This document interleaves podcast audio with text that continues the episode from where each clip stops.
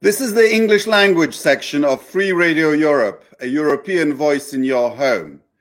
We are meeting at a time of war in Ukraine, but also resistance in Belarus. In other words, the fate of Central Europe is again in the balance. History might prove some clues, and I bring you a very special guest from New York City, Professor Joshua Zimmerman, the author of a recently published uh, biography of Joseph Piłsudski, the father of modern Poland. Professor Zimmerman, welcome to the show. Thank you very much for having me. Uh, you have previously written on the uh, Polish resistance in the Second World War. You are a professor at uh, Yeshiva uh, University, uh, and you contribute to Politico and the Times of Israel. Congratulations on this book. I think it's really important that uh, the figure of Piłsudski should be known in the English speaking world. And there has been a shortage of uh, biographies of Piłsudski. Yes. Um, one of my motivations in putting out uh, a full scale biography of Piłsudski is, is precisely that, that the last biography written in English uh, appeared in 1981 uh, in New York by Wacław Jędrzejewicz, who uh, then was a, a, central figure in the Pilsudski Institute. But it was a, a popular book without uh, footnotes and with a two-page uh, bibliographic, um, you know, list at the end. And then prior to that, we had um, uh, really one major full-scale biography uh, in English uh, in 1939 by the person who then would become the editor in chief of the Cambridge uh, history uh, series. Um, and so I realized that there was very little uh, little literature on the topic for people uh, to, to go to if they wanted to know more than just kind of like the popular uh, story about Pilsudski. Even, it, and that is not to in any way, um, you know, say that the book by Jędrzejewicz doesn't have important value because I do think it does. I want just to remind uh, uh, listeners that uh, the late Jędrzejewicz, who passed away in 1999 at the age of 100, was himself a member of the Pilsudski government uh, as, I believe, Minister of, of Education. So, uh, and his older brother, Jan Jędrzejewicz, also had an important role. So he personally knew um, Marshal Pilsudski and really understood the, the character of, of that figure. So there's, I think there's extraordinary insights there. But you make the uh, interesting point in your introduction that part of the reason why the, the interest, at least in the West, in Piłsudski was not so high was that his Poland collapsed in 1939. Mm-hmm. So this is my argument: is that before 1939, uh, Pilsudski was the leader of Poland until his uh, death in, in 1935, and at that time he was regarded as a major statesman. And I, I was able to find several statements by key uh, figures between 1919 uh, uh, up to 1935, in which the statement is that um, he was a standout among European statesmen. He just wasn't. He wasn't just one of many heads of new states, because uh, as we um, remember, seven new states emerged on the map of Europe in 1918, 1919. Uh, but it was that he had this extraordinary analytic ability combined with a kind of very high native intellect that allowed him to assess um, uh, a lot of data and reduce it down to its core and and kind of figure out. He had a, um, a, a, part of the legend of Pilsudski is that he was a, a prophet that he could predict um, the future because he he had such a, a thorough knowledge of, for example, um, um, the the Austro-Hungarian armed forces, the German, the French, the British, the Russian, and he could all entirely self-taught, right? right. But let's and, and let's absolutely, go, yeah. Let, us get back to the beginnings because in sure. Europe there are always some exiled figures, there are always some independents, dreamers. Um, Piłsudski was extraordinary and he prepared himself for the role, but he also got lucky, right? That is a very good uh, uh kind of like observation because if you think about Pilsudski, the figure on the eve of World War One, right? We have uh, Europe without a Poland. uh, there's three multinational empires Russia, Austria Hungary, and Germany uh, that occupy. They're the three partitioning powers. And he has this extraordinarily complex balancing act of diplomacy to try to somehow uh, take advantage of the first time since the 18th century where these three partitioning powers go to war with each other and and and try to um, act in a way that would maximize the possibility of it bringing out his own objectives, which was the independence of Poland. And that was tricky because he begins with uh, a, an alliance with the Central Powers, Germany and Austria Hungary, both of whom have something like 40% of, of the lands that were taken from Poland in the, in the 18th century. So he has to work with them for the goal of repelling Russians from the Russian partition. But he's quite aware that the moment that that is achieved, he now has the objective.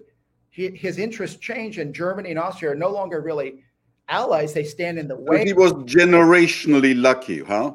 I think so that that happened because he understood. He came to the conclusion um, by 1914, after about 10 years of reflection, that that Polish armed uprisings uh, that failed in the 19th century are not going to actually achieve independence. And he realized that what will achieve independence is is uh, a war between the great powers uh, in which Russia is defeated because approximately 60% of Polish lands are under Russian rule.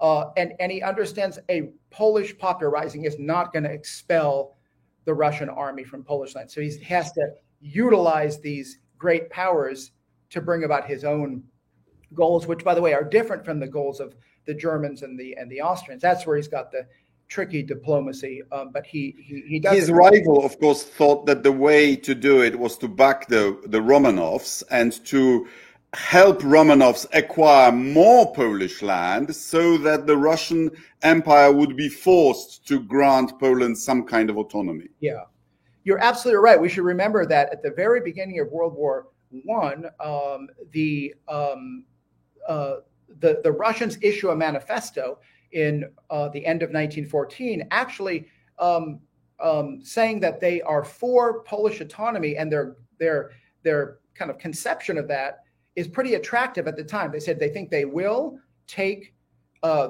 the Polish lands um, from Germany and Austria. And when they do that, they talk about, quote, reuniting uh, um, the Kingdom of Poland, which is inside Tsarist Russia, with Galicia and Prussia into a single united autonomous Poland, not independent, but under Russian. And that is um, endorsed by Pilsudski's rivals, uh, Roman Dmowski and the National Democrats. You know who also supported that plan, and this I wasn't aware of.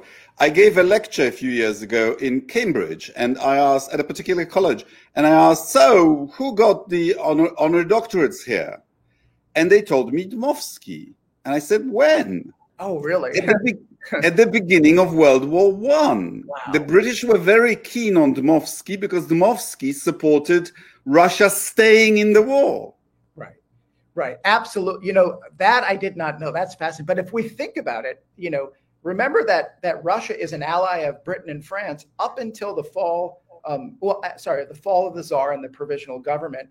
And therefore, that is why really the United States steps in in January 1917 and publicly states that Polish independence must be a war aim. Now, when President Wilson makes that statement in January 19 17, it's his famous uh, peace without victory speech. We should remember the United States was still neutral, but France and Britain were still allies of Russia. So the notion of an independent Poland for France and Britain was something they had to be very careful about because it was saying to their great ally Russia, we are favoring the reconstitution of your borders, something that Russia absolutely opposed. So they actually could not diplomatically come out in favor of America. The only which, time, which is which was nothing new. You know, yeah. Napoleon, even while he occupied Moscow, still couldn't bring himself to to reconstitute Poland because he wanted a deal with the Tsar. With the Tsar, oh, that's right. it, it is very, but it's interesting that if I can just tell, you know, kind of a personal story that one of the first times I uh, uh, visited Poland, I was 20 years old. Uh, I visited. Um, uh, before that as well. But I was in a cab in Warsaw, and I remember when the cab driver that by that time I could speak a little Polish uh, asked me where I was from, and when I told him, he goes, "Oh, America! You know, we Poles love America." And he said, "You were the first country to support Poland in World War One." So I found it interesting that a cab driver, you know, it just immediately that was so so right. You know, today with the 82nd Airborne in Rzeszów, the approval of, of the United States in Poland is 91% highest in Europe. Wow. And I suspect higher than in the United States. wow. That is really something. Um, there is seems so in other words uh, that there's a lot of pro-American sentiment in the did I sorry did I get that right yeah in the in, yeah, in, in, in, Poland so and I think that uh, people you know American visitors who may not know the history are are kind of touched by this kind of overflow of of of um, you know, interest in the United States. But you know, but going back to that is it is interesting that you know Dmowski, in a way, was pragmatic because who could foresee the fall of the czar? There's no so so up until the fall of the czar and the provisional government in 1917, you know, Pilsudski's Eastern policy really had no way of. But Pilsudski did have some. Re- I mean, you know, we forget now that the administration of uh, Rump Poland was actually created under the Germans. Yes, yes. The first ministries, mm-hmm. um, the, the, the, tax authority, the, the first Polish soldier in front of the uh, presidential palace, today's presidential palace in Krakowskie Przedmieście appeared there in 1916. Wow. So and, this, yeah. And Piłsudski was able to create an armed force supported and supplied by the Austrians. By the that was something. Yeah, absolutely. If we think about that, you know, it's extraordinary. What we know is that on November 5th, 1916, the uh, there was something called the, you know, uh, there was called like the two monarch two monarchy manifesto. I forgot right. the name, but where Germany and Austria-Hungary openly endorsed the independence of the Kingdom of Poland with its capital in, in Warsaw. So that was a huge moment. And in my chapter, two chapters on World War One, um, I'm able to I was able to find you know letters of Pilsudski from that day, uh, literally on the day of that declaration. He he writes to some of his comrades about that what an extraordinary day that is for him and for Poland. It's, it's and that was significant because the Germans and the Austrians actually controlled Warsaw. So oh, so right. that, that was for real that that's absolutely that's critical. And then remember, they set up the uh, provisional state council. They have yep. a Polish, you know, kind of parliament and prime minister. There wasn't the parliament, but there was a regency council. Regency council, that's right. Uh, there, there's a regency council, and then something called a provisional council of state, but that's perhaps a little bit later uh, in the war. But they do appoint Polish authorities in Warsaw and it, and allow them to administer and essentially without any clarity on the borders um, are saying that uh, in the aftermath of the cessation of hostilities, you know, we will then work out the borders and endorse this. Yeah. this so coming back to Piłsudski, what does it take to be a successful freedom fighter, to be a successful uh, uh leader in waiting, in exile? Uh, what, what advice should we give to Tsikhanouskaya or or to the Kurds or to the to the anti-regime Iranians? So this is an interesting question in which if I kind of link it back to Pilsudski as this kind of classic freedom fighter who for the last 16 months of World War One languishes in a German military prison because he refused to swear an oath of loyalty to the Kaiser. Um, it's it's um, assessing very carefully one's objectives and never compromising on those objectives. Uh, I think that's the story. But also finding allies among some oh, major powers. Huh? Sorry, and, and, and so absolutely the the allies among major powers is, is is critical. So so that's why for him we when we go back to one Germany and Austria-Hungary endorsing Polish independence that's critical in November 1916. But if you look at Pilsudski's reaction to President Woodrow Wilson's speech of January 1917 to the Senate, in which he endorses, in which he says Polish independence must be a war aim of the Allies. He is much more enthusiastic about that because that was an open acknowledgement from a neutral great power uh, that Europe can no longer be a continent without an without a Polish state. It just it's not ethically viable. And and the idea that it was for ethical, moral reasons uh, m- meant something.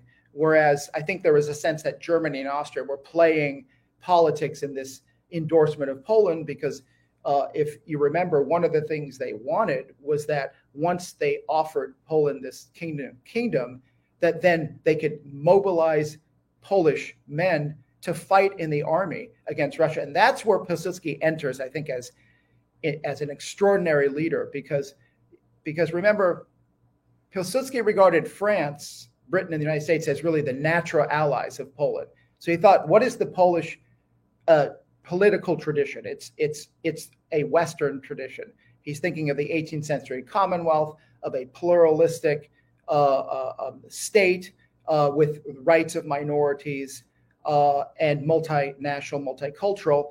And he looks to the Western democracies, which had been traditionally an ally of Poland, uh, and he realizes that that these Polish troops, if they're going to be employed, they cannot be used on the Western Front and he makes it clear to us. So think of how complicated this. Germany and Austria are at war as the as you know as the central powers with the Entente, France, Britain, and, and Russia, and Poland is Uh, under Pilsudski and others has formed a Polish legion, legionary armed force in Austria to fight the Russians. But remember, they're also at war with France, and he he lays down a red line. There will be no Polish troops on the Western Front because France is not our enemy. So that that was tricky which, diplomatically. Which leaders of the then emerging nations does he most resemble in your, to your mind? Say when it comes to Israel, is he more Ben Gurion or more Weizmann? Uh, I would say he's more uh, Ben Gurion. So classic, you know, labor Zionist, but also with a vision uh, of diversity, pluralism, tolerance, and also a kind of democratic state, uh, which is something I argue that was Pilsudski's vision upon assuming the role of head of state and commander in chief in November 1918, uh, where for the next you know three months of the new state he presides over the formation of democratic um, institutions. And so um, I believe he clearly, if we're thinking about labor versus Likud in Israel, um, Pilsudski's uh, is really uh, his his vision is really a labor vision of of. But you know the the Polish and Israeli example, I think, show rather well the the philosophical difference that we have in in dealing with nationalism because the, these are both nations that were deprived of a state for a very long time mm-hmm. uh, Israel even longer than Poland. And so they both have the experience that in order to bring the state back, you need an extraordinary sacrifice by a core group of people who really, really care about it, mm-hmm. who tend to be from, um, well, the core group, meaning, yes, you, you want a vision uh, that is more encompassing, but it's the core group that is making the sacrifice, Absolutely. right? In other words, a country, this idea of a Poland with a Polish majority or a, a Jewish state with a Jewish majority. Even though so you can bring the minorities on board, but you feel that you, you know, it's not the state that has created the nation, which is the, more the American idea, I think. Yeah. I, it's it's the ethnos, it's the it's it's the eth- a, a group that has created a state. Mm-hmm. So I could not agree with you more. And if we if we think of 1918, 1919, we have we have the abrupt disintegration of four multinational empires in in Europe, and then their replacement by national states. But if we remember, the Western allies had a really uh, but, but i'm driving it i'm driving to something else because oh, you okay. point in your book sure that Piłsudski was really shaken by the assassination of narutowicz yes. the first the first president of poland yes because and he was assassinated under a horrible after a horrible anti-semitic and and and and uh, campaign because the nationalists felt well we have fought and made sacrifices and now suddenly a guy becomes president with the votes of national minorities. That's that's not how it was supposed to be. Right. So that is a, a, central theme of, of my book, which is how to understand this kind of uh, transition of Pilsudski from liberal Democrat uh, in 1918 to from 1926, where he returns to power through a military coup uh, and then really serves as a kind of authoritarian leader uh, until his death in 1935. But what I argue is that he he never actually abandoned the democratic ideal that was so dear to his heart in 1918. What what he lost faith in was in the Polish people of that time and their ability to um, to uh, um, have free and fair elections and to respect their outcomes without intimidation and violence. Because what happened in 1922 is a progressive liberal candidate uh, of, of, a socialist background. He does win the election, Poland's first presidential election. Uh, but as they tallied the votes, it became clear that what tipped the balance in his favor was the minority vote. And for listeners to this, should remember that about one third of the population of Poland were minorities. So, um, and so the the right wing uh, opponents of this president came out with a smear campaign saying he is an illegitimate president, uh, and that they talked about something called the doctrine of the Polish majority. And some of the press accounts from the right wing parties were saying that how dare you know these minorities think they can choose the president? We, the Poles, only we can choose the president. Now, of course, this is a direct contradiction to the Constitution that had passed in March 1921 that, of course, called for free and fair elections and full equality before the law uh, for all citizens without regard to ethnicity, national uh, origins, uh, language, or faith. Uh, and so every vote had to be equally counted. But what they were saying is now, essentially, uh, we're going to overturn this election um, and install our own candidate through an act uh, of political violence. Now, the assassin himself was not apparently a member of this uh, uh, opposition party, the National Democrats, but he clearly at his trial said he was deeply inspired by this five days of, of a kind of vicious smear campaign uh, in which uh, one of the headlines is the most famous from the right wing opposition papers, where they they said Narutowicz, you know, he became president elect. They said Narutowicz, president of the Jews, meaning it's the Jews who put him there. But of course, well, Piłsudski did have uh, uh, very uh, good relationships with Jewish comrades, going back to the Socialist Party yes. and, uh, and, and Jewish aspirations. Then, didn't he? I mean that that part is true, but of yes. course, um, um, you know, the the, the, the nationalists um, uh, uh, had a problem too that, that, that they couldn't win. That's right. And I, I, think it's something important to emphasize that we're speaking about a new state, and you were going back to this concept what creates, you know, it, it, does a nation create the state like in Eastern Europe, or does the, does the state, like in America, then form a nation? In this case, it really was believed this is the reconstitution of Poland. What is Poland? And who are the Poles? And the nationalists, uh, represented by this, uh, the largest uh, nationalist party, the National Democrats, I believe, define Polishness as Roman Catholic and Polish speaking. And I, I which like, wasn't so historically in the First Republic. Oh, that's right. But but under occupation, you get confined to your ethnic religious core. Yes. Right. And and I think that that was the basis for the Western Allies to assess where borders should be. Because remember, we should just remember that Lord Curzon of Britain um, did a study in 1919, and he essentially said that states should correspond to where ethnic groups or national groups form. Yeah, as if the British uh, held to that principle in their yeah. colonies, huh? That's right.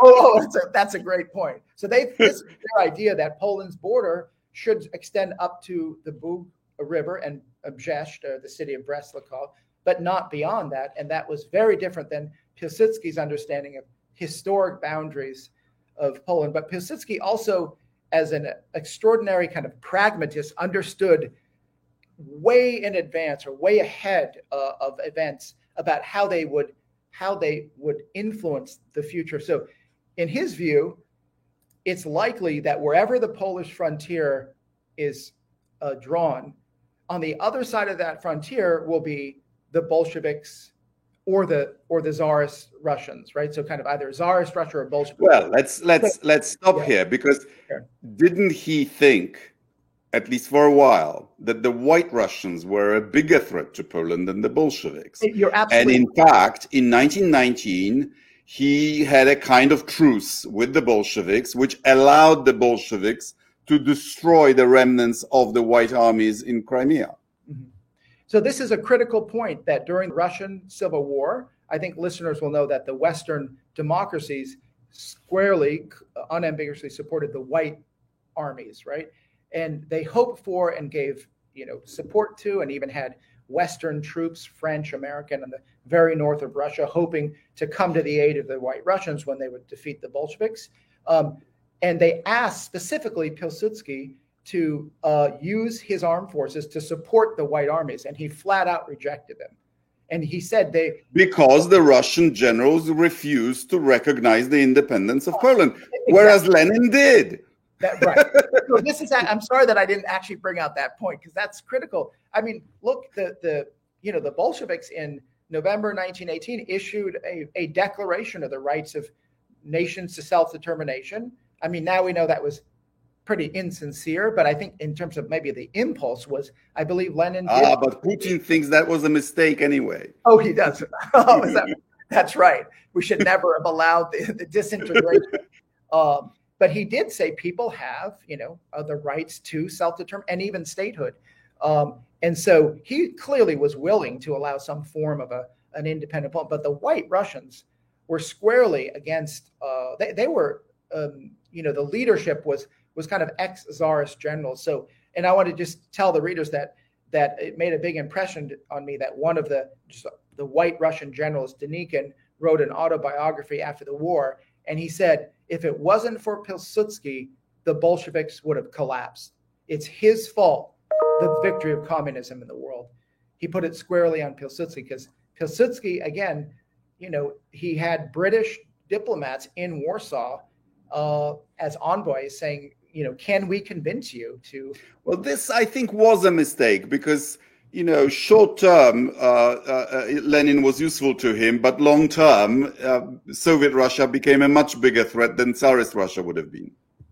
You know, you you you could be right, and then of course, could Pilsudski anticipate that then he'd have to go to full scale? And then he overestimated the um, the the staying power of of Ukraine, didn't he? I mean, the oh, the, the, the, Kiev uh, uh, help to Petlura um, was a mistake, wasn't it? I mean, the it it it persuaded many ordinary Russians, including many Tsarist officers, to join the Red Army to fight the the, the, the, the as they saw it, a Polish invasion.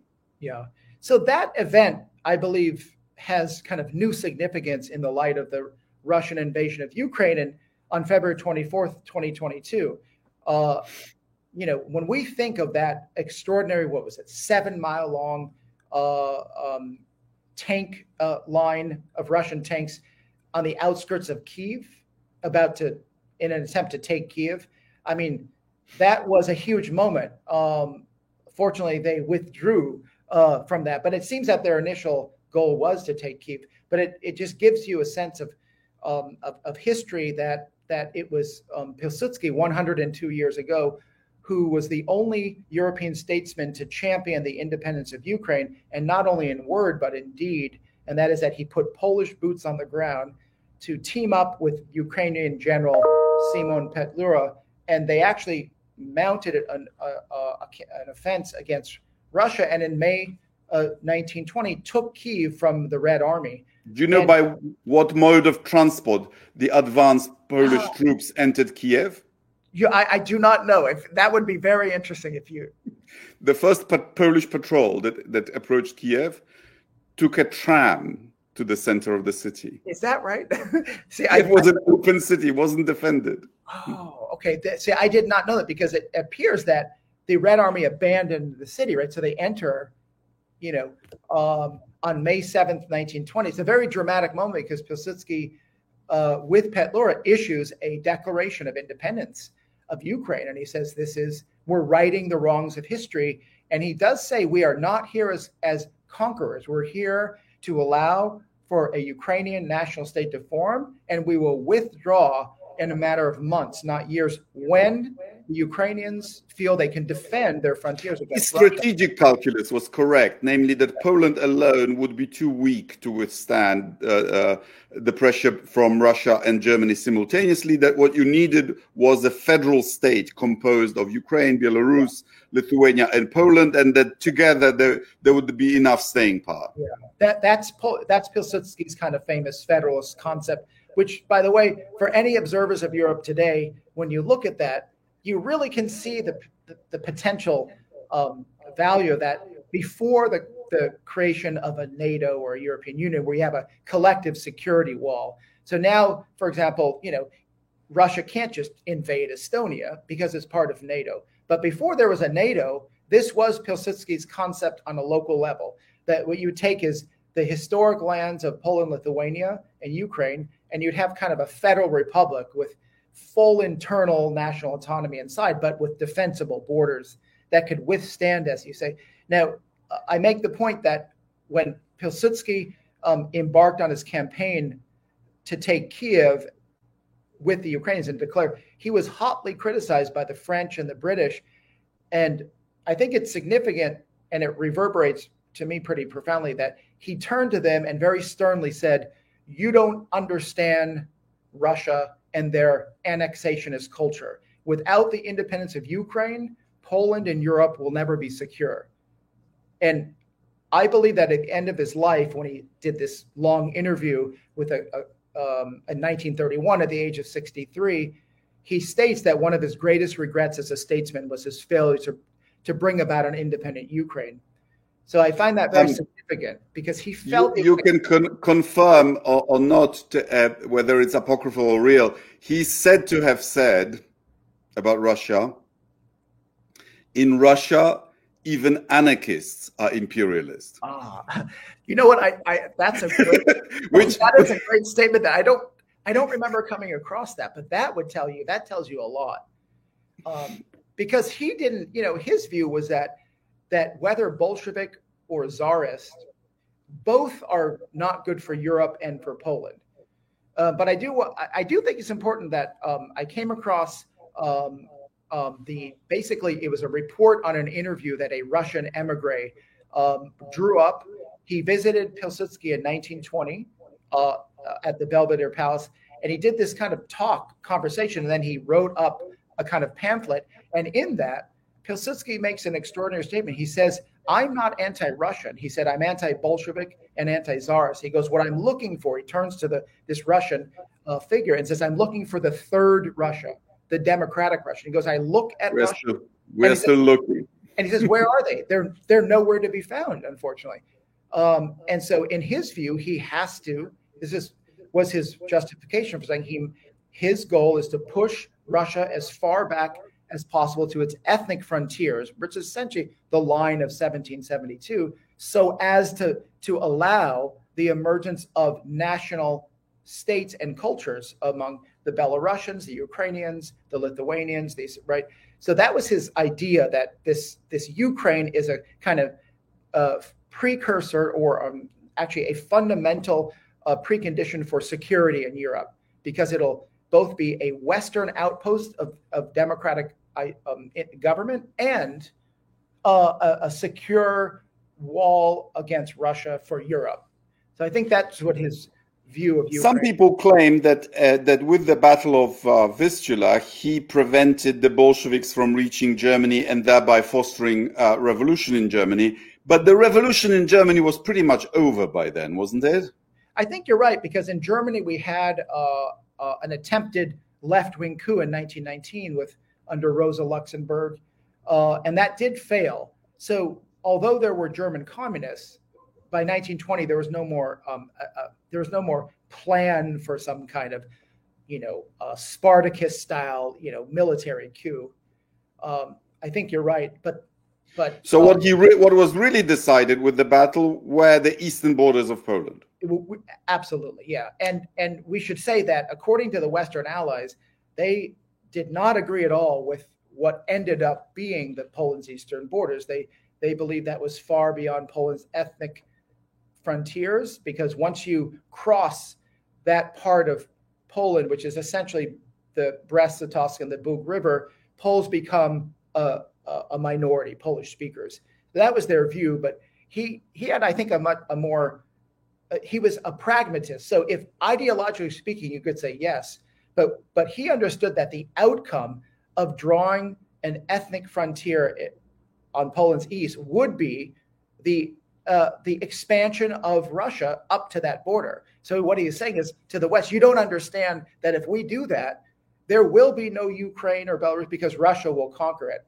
And that's not good for, for Europe. And so of course, the, the Ukrainians who ended up in Poland, perhaps against their national aspirations, were not then purged or starved to death in the 1930s. And the Poles who uh, ended up on the Polish side of the border didn't get exterminated in the in the uh, anti-Polish uh, um, purge of the of 1938, wasn't it? Yes, um, yes. You know that's. Uh, I, I, just want to say I was very struck when I was just going through Serhiy Plokhy's, uh, the Harvard Ukrainian professor, his his book Gates of Europe: A History of Ukraine. I was really looking carefully at the interwar period because I know there was conflicts between uh, ethnic Ukrainians uh, and the Polish state in the interwar period. But he actually presents a very positive in the end, even though he notes that there were these uh, attempts uh, to repress some of the Ukrainian groups. But in comparison to the Ukrainian Soviet Socialist Republic, there, you just cannot come away with any conclusion that Ukrainians were much better off in in southeastern um, Poland. And he makes that claim. So I found that interesting that, yeah, you had a constitutional state with freedom of the press and speech and national expression. But we also have to acknowledge that there were Ukrainian terrorist organizations who struck at and assassinated Polish officials. In 19- I live in a street in Warsaw where the Ukrainian nationalists killed the interior minister. Yes, yes. No, I was going to say that event in itself is really striking. I I try to uh, recount it in some detail because this was someone who had been a longtime ally of Pilsudski. Um, he was in full favor of the program of a kind of social democratic program of pluralism and tolerance. He had been in the Polish legions uh, in the Third Brigade, and now he's interior minister, and yet he gets assassinated. And so it was a it was a blow, a huge blow to Pilsudski because this was also a friend of his. But that idea, and then remember, there was an attempted assassination of Pilsudski also in southeastern Poland. Um, now I'm forgetting, I think it was 1931, but I, I may have that wrong. But he was um, there uh, to meet with uh, the uh, local municipal, um, um uh, uh, I believe, governor, uh, and there was an attempt to, attempt on his life, in which it was a failed attempt. But it's an interesting story because they were they were leaving the governor's residence on their way to a, a play, so they're going to see theater, and this attempted assassination end up where the the governor got wounded, not seriously in any way.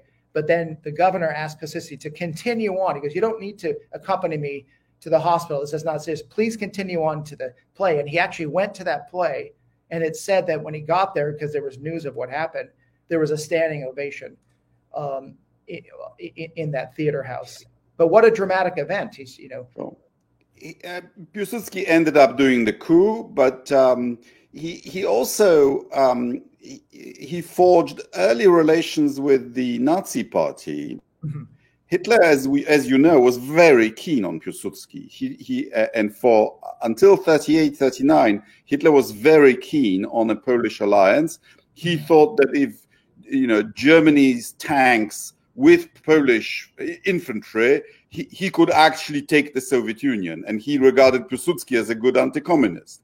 Uh-huh. And not everybody knows that there was a guard of honor at the Wawel Castle in front of Piłsudski's um, uh, tomb all throughout the war.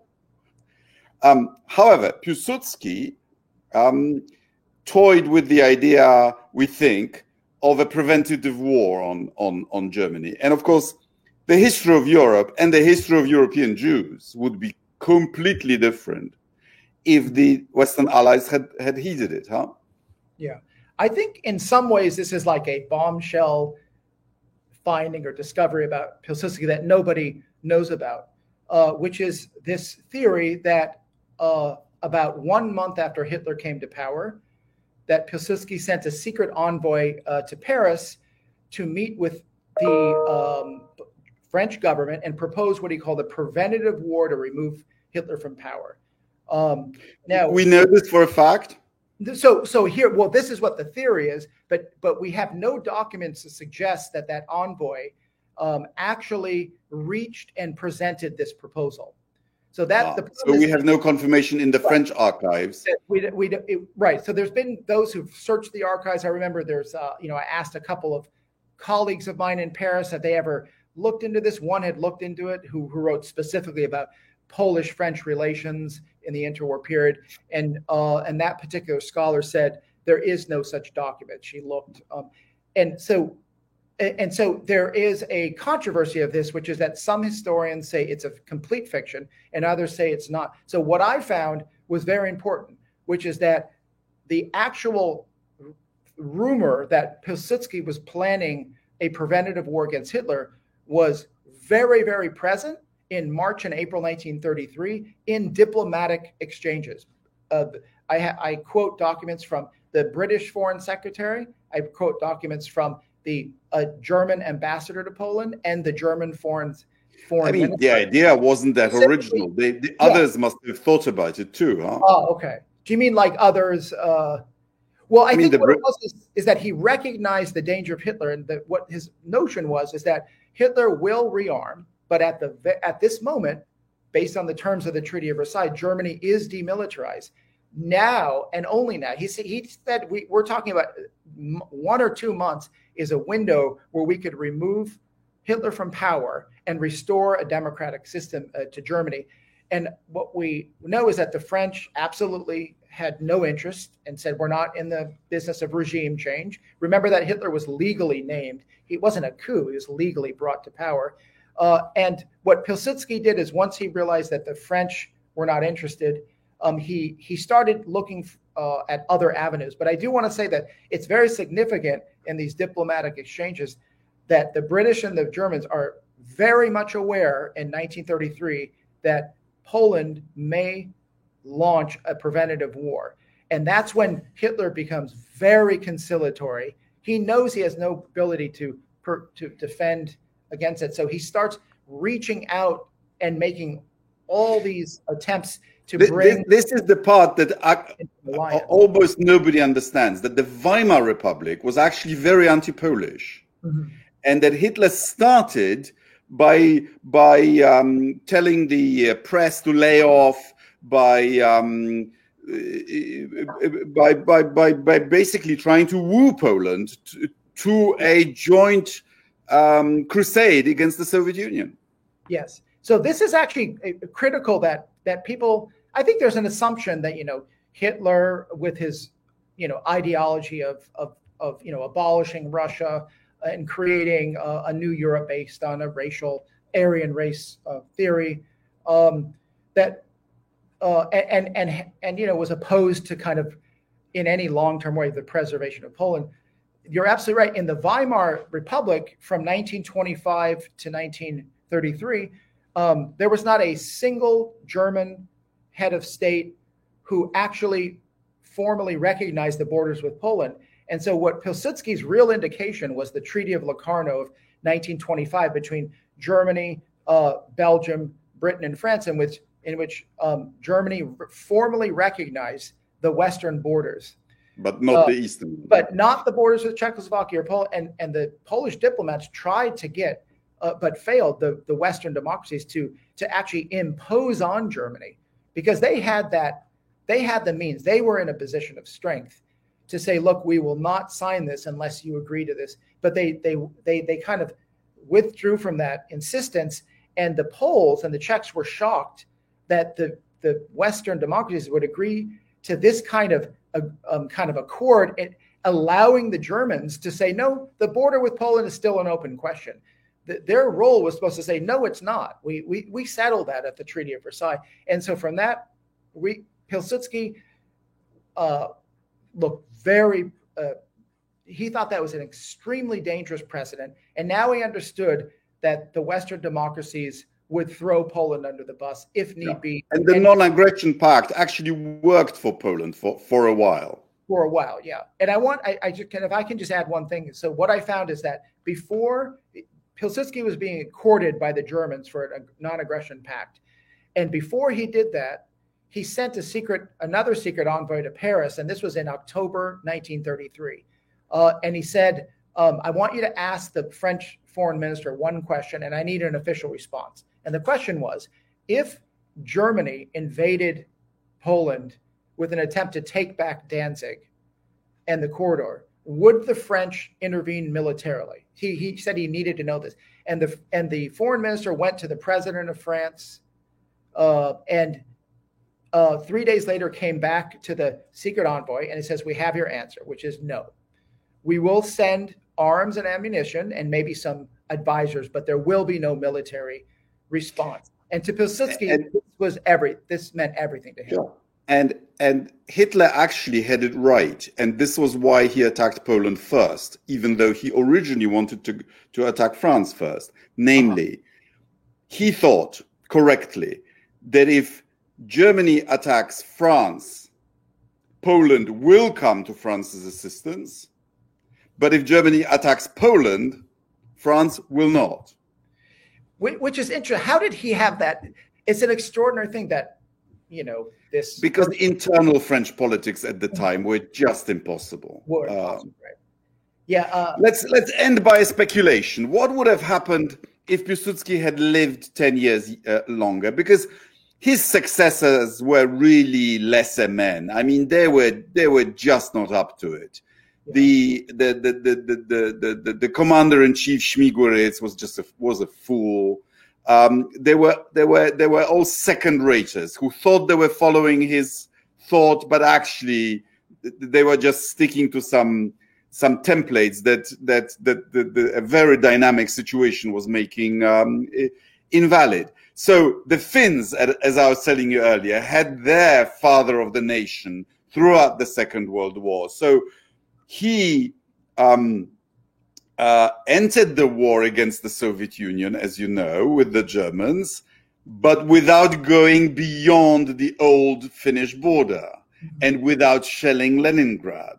Uh-huh. And then switched sides the moment Germany started losing, as a result of which Finland got Finlandized, whereas uh-huh. Poland got Sovietized, uh, uh, uh, uh and you know, after being ethnically cleansed both ways?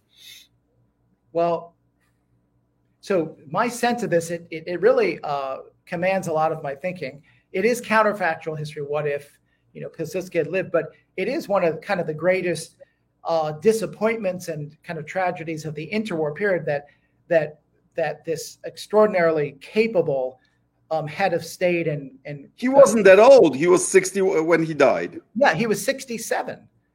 He, he could have gone on another 10 years. Absolutely. And you see all these other leaders that were born in the same year, 18, uh, you know, 65, 67, who lived on until 1950.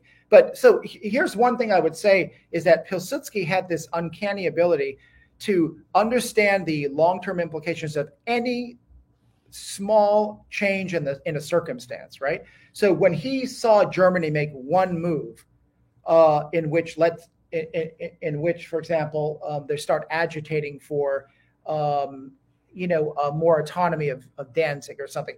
Uh, and there was any move in their military. He understood what is the implication. The implications, yeah. That, uh, of, of any single move, because he always had this calculus. In you know, he was his his greatest hero was Napoleon, right? He wanted to be regarded as a kind of military genius, and so he uh, he would have approached um, the rearmament of Germany in, in, a very different way. We should remember that it's really the same year that Pilsudski died that Germany formally announced that it was withdrawing uh, from its commitments to the Versailles Treaty and would begin rearming. Uh, he would have understood that if Poland doesn't help Czechoslovakia, then Germany becomes invincible. Okay, yes. So this is actually key, which is that if you look at Josef Beck, who's the foreign minister, who kind of succeeds Pilsudski as ruler, he seemed to not have any actual real sense of the implications of the disintegration of Czechoslovakia. So and so much so, um, you know that uh, that when that he took part in it, that he took part in it, as if oh, you know, this is good for Poland. While Czechoslovakia is down on its knees, we and the Hungarians are going to are going to take some of this kind of breadbasket away. But I, I, think what's striking is that in um, about in in April 1938, I was reading the diaries of the of the Italian foreign minister. He happened. It so happens that Beck was in Rome around this time uh, of the Anschluss, and if you look at Ciano's diary, he has a diary entry there, and he's he's really um, really surprised. He says that Beck doesn't seem to have any concern about the Anschluss and what its implications are for Poland. So he's he's like he seems in an upbeat and a good. He's not even discussing the Anschluss and that that struck him. And then it occurred to him after um, the Munich Pact that he also met uh, uh, Ciano, the foreign minister in Warsaw, with the with the Polish um, foreign minister, and he makes another comment, which is that Beck does not seem to be uh, concerned um, about the disintegration of Czechoslovakia. He doesn't seem to understand what what that means, and he seems to invest genuine trust in the Germans to keep their word on the non-aggression uh, uh, pact, which was supposed to be a 10-year, you know, non-aggression pact, so it lasts till 1944. And then the one other thing stood out to me is that Wacław Jędrzejewicz was still, you know, inside, you know, government circles, and he recounts in his memoirs that in January 1939, Beck invited German Foreign Minister von Ribbentrop to mark and celebrate the fifth anniversary of the Polish German Accord. And apparently, Jędrzejewicz was present at this like banquet. And in his memoirs, he comments how struck he was by Beck's disposition. He seemed upbeat. He seemed genuinely, uh, you know, of the view that th- this is a very good thing for Poland. They have peace with Germany f- for 10 years. And he had no sense of, of, of Germany's real designs. Now, to be fair to, to Foreign Minister Beck, when in March 1939, Germany broke its agreement and marched into and dismembered Czechoslovakia, he did entirely understand and turn, uh, you know, did an, out, an about face and realized. And he wasn't the only guy in Europe hoodwinked by Hitler, huh? Uh, that's you're absolutely right. The other, of course, uh, is British Prime Minister British Prime Minister Chamberlain, who is I mean, really shockingly when he agreed to the Munich Pact. We we have uh, we have this uh, a biography of Churchill in which it stated that that somehow Chamberlain, after the Munich Pact, wrote a letter to his sister in which he said something like, "I've looked into the eyes of of of, of Hitler, and I believe he's an honest man who keeps his word." I mean, that's what his impressions were of Hitler. We it's all extraordinary. That, yeah, it's extraordinary. Um, that people who met Hitler were often taken in, and people who read Mein Kampf weren't. Yeah, isn't that and and I want to say that Pilsudski, we should remember, he refused to ever meet with Hitler in public. He was offered on several occasions, said that you know uh, Chancellor Hitler would like to meet with you, have a have a conference or a state visit. And Pilsudski refused to meet with European dictators, Mussolini, Stalin, yeah uh, Hitler. He never wanted to be seen among, but who did he invite and who did he visit? The French, the British, the Americans, right? It, you know, like one month before he died, he had the French foreign minister there, and um, it was said by the French foreign minister in a in a in a report from that day that something like no state leader has ever given me such a warm welcome ever as Pilsudski did today. So his sense that France was the true ally that's where we had ideological affiliation. He understood that France probably won't militarily come to Poland's aid, but but it, it was a key ally for many reasons. And I think it says a lot about a leader who they choose to um, to be their their allies and, and and friends, and who they refuse to meet with.